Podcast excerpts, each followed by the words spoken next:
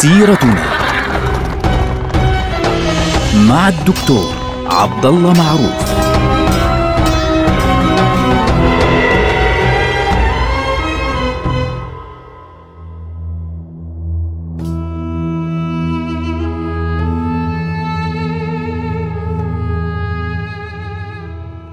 السلام عليكم ورحمة الله وبركاته. سيرتنا سيرة هذه الأمة ونحن الآن في عهد الدولة العثمانية وتحديدا في عهد السلطان محمد رشاد.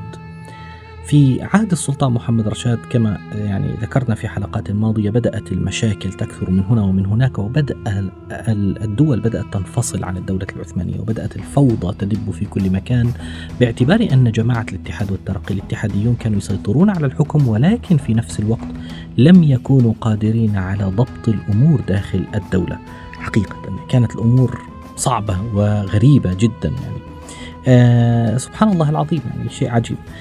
يعني واحدة من التطورات المهمة في ذلك الوقت آه هي حرب البلقان.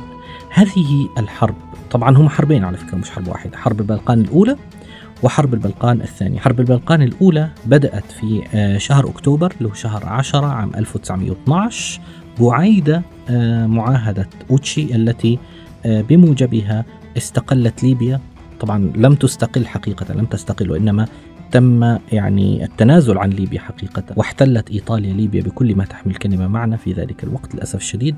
في أكتوبر عام 1912 بدأت حرب البلقان الأولى واكتملت وانتهت في الثلاثين من مايو اللي هو شهر 5 عام 1913 لتبدأ بعد ذلك آه الحرب الثانية حرب البلقان الثانية اللي هي كانت في أواخر شهر يونيو 29 يونيو اللي هو 6 آه وامتد في عام 1913 وامتدت حتى العاشر من أغسطس يعني شهر و40 يعني تقريبا 40 يوم.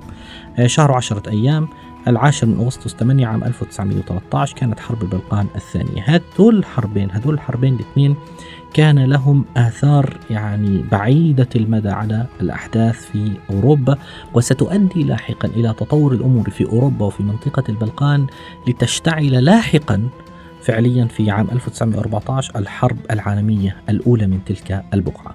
يعني لابد أن نفهم حرب البلقان الأولى والثانية حتى نفهم ما حدث بعد ذلك في الحرب العالمية الأولى.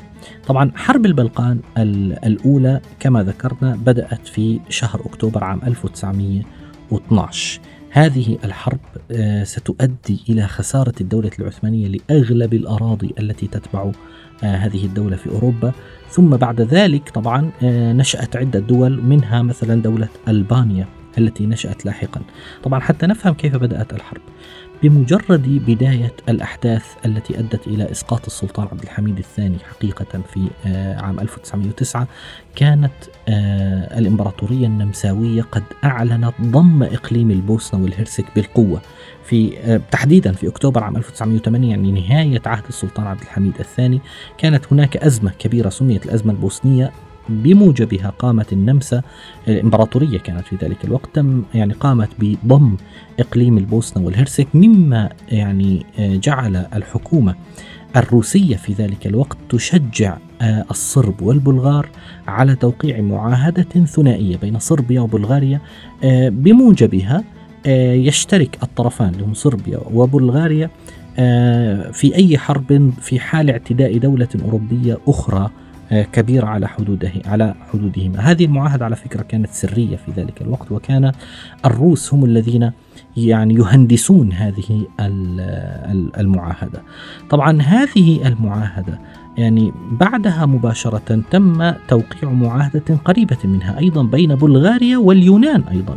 وهذه المرة كانت في مواجهة الدولة العثمانية يعني معاهدة اتفاقية بين بلغاريا واليونان على التوا... على مواجهة الدولة العثمانية في حال أي حرب لاحقا. وبالتالي هذه المعاهدات يعني عندنا بلغاريا من ناحية واليونان. بلغاريا واليونان من ناحية وبلغاريا وصربيا من ناحية أخرى. كل واحد من هذين أو هذه الأطراف متفق مع طرف آخر على أن تعلن الحرب وينضم إليه في حال وجود حرب مع طرف ثالث كان المقصود به. بالدرجة الأولى كانت الدولة العثمانية حقيقة.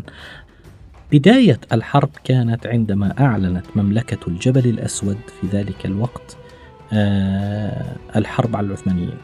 في ذلك كان يوم الثامن من أكتوبر من عام 1912 بعد خمسة أيام فقط من توقيع اتفاقية أوتشي بين الدولة العثمانية وإيطاليا المتعلقة طبعا بليبيا في ذلك الوقت. أعلنت الحرب مباشرة والدولة العثمانية وجهت أغلب قواتها باتجاه منطقة مقدونيا وجبهة تراكيا. تراكيا اللي هي الجزء الموجود في القسم الأوروبي اللي هو من جهة إدرنة وطالع. يعني من جهة إدرنة وطالع باتجاه مقدونيا ونشرت ثلاثة جيوش في هذه المنطقة.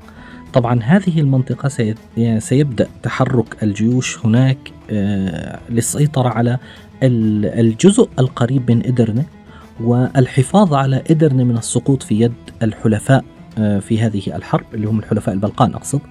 وذلك خوفا من أن سقوط إدرنة قد يعقبه لاحقا سقوط إسطنبول. العاصمة يعني هذه هي المشكلة الأساسية. لاحظوا أن المناطق تتساقط من يد الدولة العثمانية وبعضهم يتراخى فيها الاتحاديون مثل ليبيا على سبيل المثال لأنها بعيدة تراخوا في الدفاع عنها وذهبت باعتبارها بعيدة لكن الآن صارت الأمور تقترب أكثر وأكثر من إسطنبول من العاصمة حقيقة.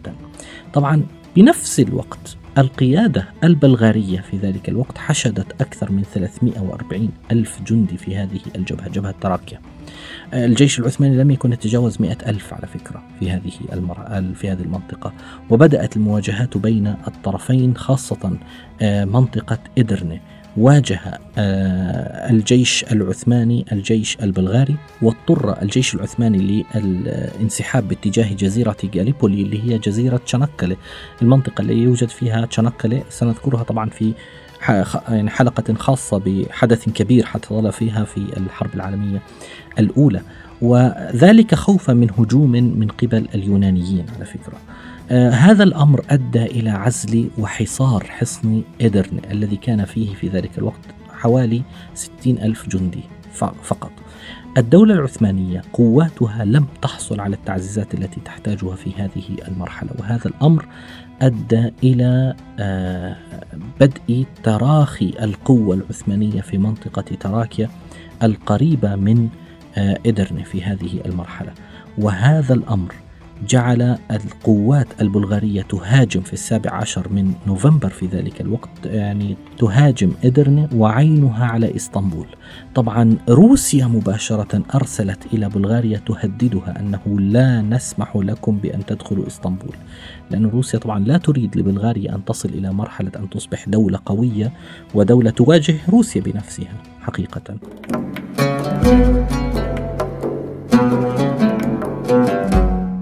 ومع ذلك تمكنت القوات العثمانية من صد هذا الهجوم. وفي النهاية في الثالث من ديسمبر يعني تم توقيع هدنة بين الدولة العثمانية من ناحية وبلغاريا من ناحية أخرى. وكانت بلغاريا يعني في هذا تمثل آه، أيضا صربيا والجبل الأسود معها.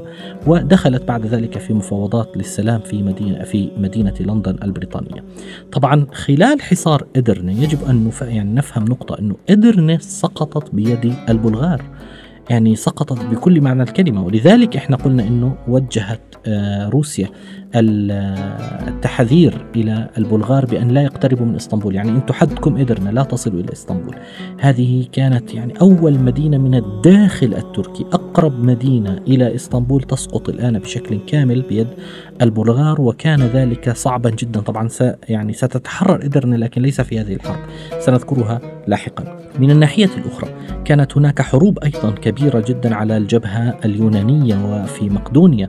لم يكن هناك طبعا آه، مستوى تنسيق بين اليونان والصرب في هذه المرحلة ولذلك تمكن العثمانيون من السيطرة على عدة مناطق في هذه البقعة ولكن بشكل عام كانت الأعداد في هذه المرحلة يعني كانت آه، أعداد كبيرة من العثمانيين مقابل اليونانيين الذين كانوا أقل. ومع ذلك آه، تمكن اليونانيون من السيطرة على بعض المناطق للأسف الشديد ووصلت القوات اليونانية حقيقة في يعني قريبة من منطقة غرب مقدونيا وصلت إلى مدينة كورتشي آه، في ذلك الوقت. وفي البحر أيضا كان الأسطول اليوناني يهاجم الأسطول العثماني بشكل كبير جدا في مختلف مناطق بحر إيجا اللي هو البحر الذي يفصل بين الدولة العثمانية من ناحية واليونان من ناحية أخرى. أغلب الجزر العثمانية يعني شمال وشرق بحر إيجا يعني كلها خضعت للاحتلال اليوناني في ذلك الوقت. وفي صربيا وفي مناطق الجبل الأسود يعني حقق الجيش الصربي انتصارات كبيرة جدا ضد الدولة العثمانية للأسف الشديد في منطقة آه، فاردار مقدونيا. يعني كانت انتصارات حاسمة وكانت هناك معركة أخيرة آه، ضد الدولة العثمانية في اسمها معركة مناستر هذه المعركة في مقدونيا آه، اضطر الجيش العثماني على إثرها إلى الانسحاب إلى وسط ألبانيا. هذه المعارك الشديدة هنا وهناك انتهت فعليا بمعاهدة لندن التي أنهت هذه الحرب في الثلاثين من مايو من عام 1913 تم بموجب اتفاقية لندن أو معاهدة لندن التنازل عن كل الأراضي العثمانية التي تقع غرب خط اسمه خط أينوس ميدا هذا الخط اللي هو يعني بيجي تقريبا بعد إدرنة بقليل قريبا من حدود البلغار. وفي منطقة شبه جزيرة البلقان تم التنازل عنها للاتحاد الألباني. وأيضا أعلن بموجب هذه المعاهدة قيام دولة مستقلة سميت دولة ألبانيا المستقلة. طبعا هذه الأراضي التي كانت يفترض أن تكون للدولة الألبانية هذه الجديدة كان اليونانيون والصرب يحتلونها آه، في ذلك الوقت واضطروا لسحب قواتهم منها على مضض إن صح التعبير. طبعا بلغاريا دخلت في مشاكل مع آه، صربيا في ذلك الوقت على باعتبار أنه كانت عندهم مشاكل على تقسيم شمال مقدونيا وأيضا مع اليونان على جنوب مقدونيا مما جعل بلغاريا لاحقا آه، تسوي خلافتها بالقوة وتهاجم كل من اليونان وصربيا في نفس الوقت. وهذا الأمر أدى إلى نشوب حرب البلقان الثانية في التاسع والعشرين من يونيو. هذه من ناحية كانت بلغاريا. وصربيا واليونان ورومانيا أيضا والجبل الأسود وحتى الدولة العثمانية دخلت معهم فعليا من ناحية أخرى. حرب البلقان الثانية ذكرنا في بداية الحلقة أنها امتدت ما بين التاسع والعشرين من يونيو حتى العاشر من أغسطس من عام 1913 وكان سببها بالفعل أن مملكة بلغاريا رفضت آه، تقسيم الأراضي هذه وإنما أرادت أن تضم كل مناطق شمال مقدونيا وجنوب مقدونيا إليها وليس إلى اليونان والصرب وبالتالي هاجمت الجميع بشكل كامل. طبعا مباشرة الدولة العثمانية دخلت الحرب استغلت الفرصة دخلت الحرب في الثامن عشر من يوليو يعني في تقريبا قبل ما تنتهي الحرب بحوالي أقل من شهر دخلت الحرب وتمكنت من أن تستفيد منها وتسترجع بعض الأراضي التي فقدتها خلال حرب البلقان الأولى وكانت أهم قطعة من الدولة العثمانية تم استردادها بالفعل في هذه الحرب كانت إدرنة طبعا إدرنة استردها العثمانيون دون قتال. يعني البلغار انسحبوا منها لانشغالهم بالحروب بالحرب ضد آه، منطقة صربيا واليونان فبالتالي استغل العثمانيون الفرصة ودخلوا إلى منطقة إدرنة وتمكنوا من السيطرة عليها بشكل كامل. هذه الحرب انتهت بتوقيع اتفاقية سميت اتفاقية بوخارست. لأنها وقعت في مدينة بوخارست الرومانية في العاشر من أغسطس 8 عام 1913 ومن نتائج هذه الحرب أن بلغاريا طلبت مساعدة الإمبراطورية النمساوية في ذلك الوقت لاسترداد جزء من الأراضي التي احتلها الصرب في هذه الحرب. فالإمبراطورية النمساوية أجبرت صربيا على إرجاع بعض الأراضي إلى بلغاريا. هذا الأمر جعل الصرب يعني يغضبون غضبا شديدا ويحقدون على الإمبراطورية النمساوية. وهذا الغضب وهذا الحقد وصل ذروته بإشعال الحرب العالمية الأولى. نلقاكم على خير. والسلام عليكم.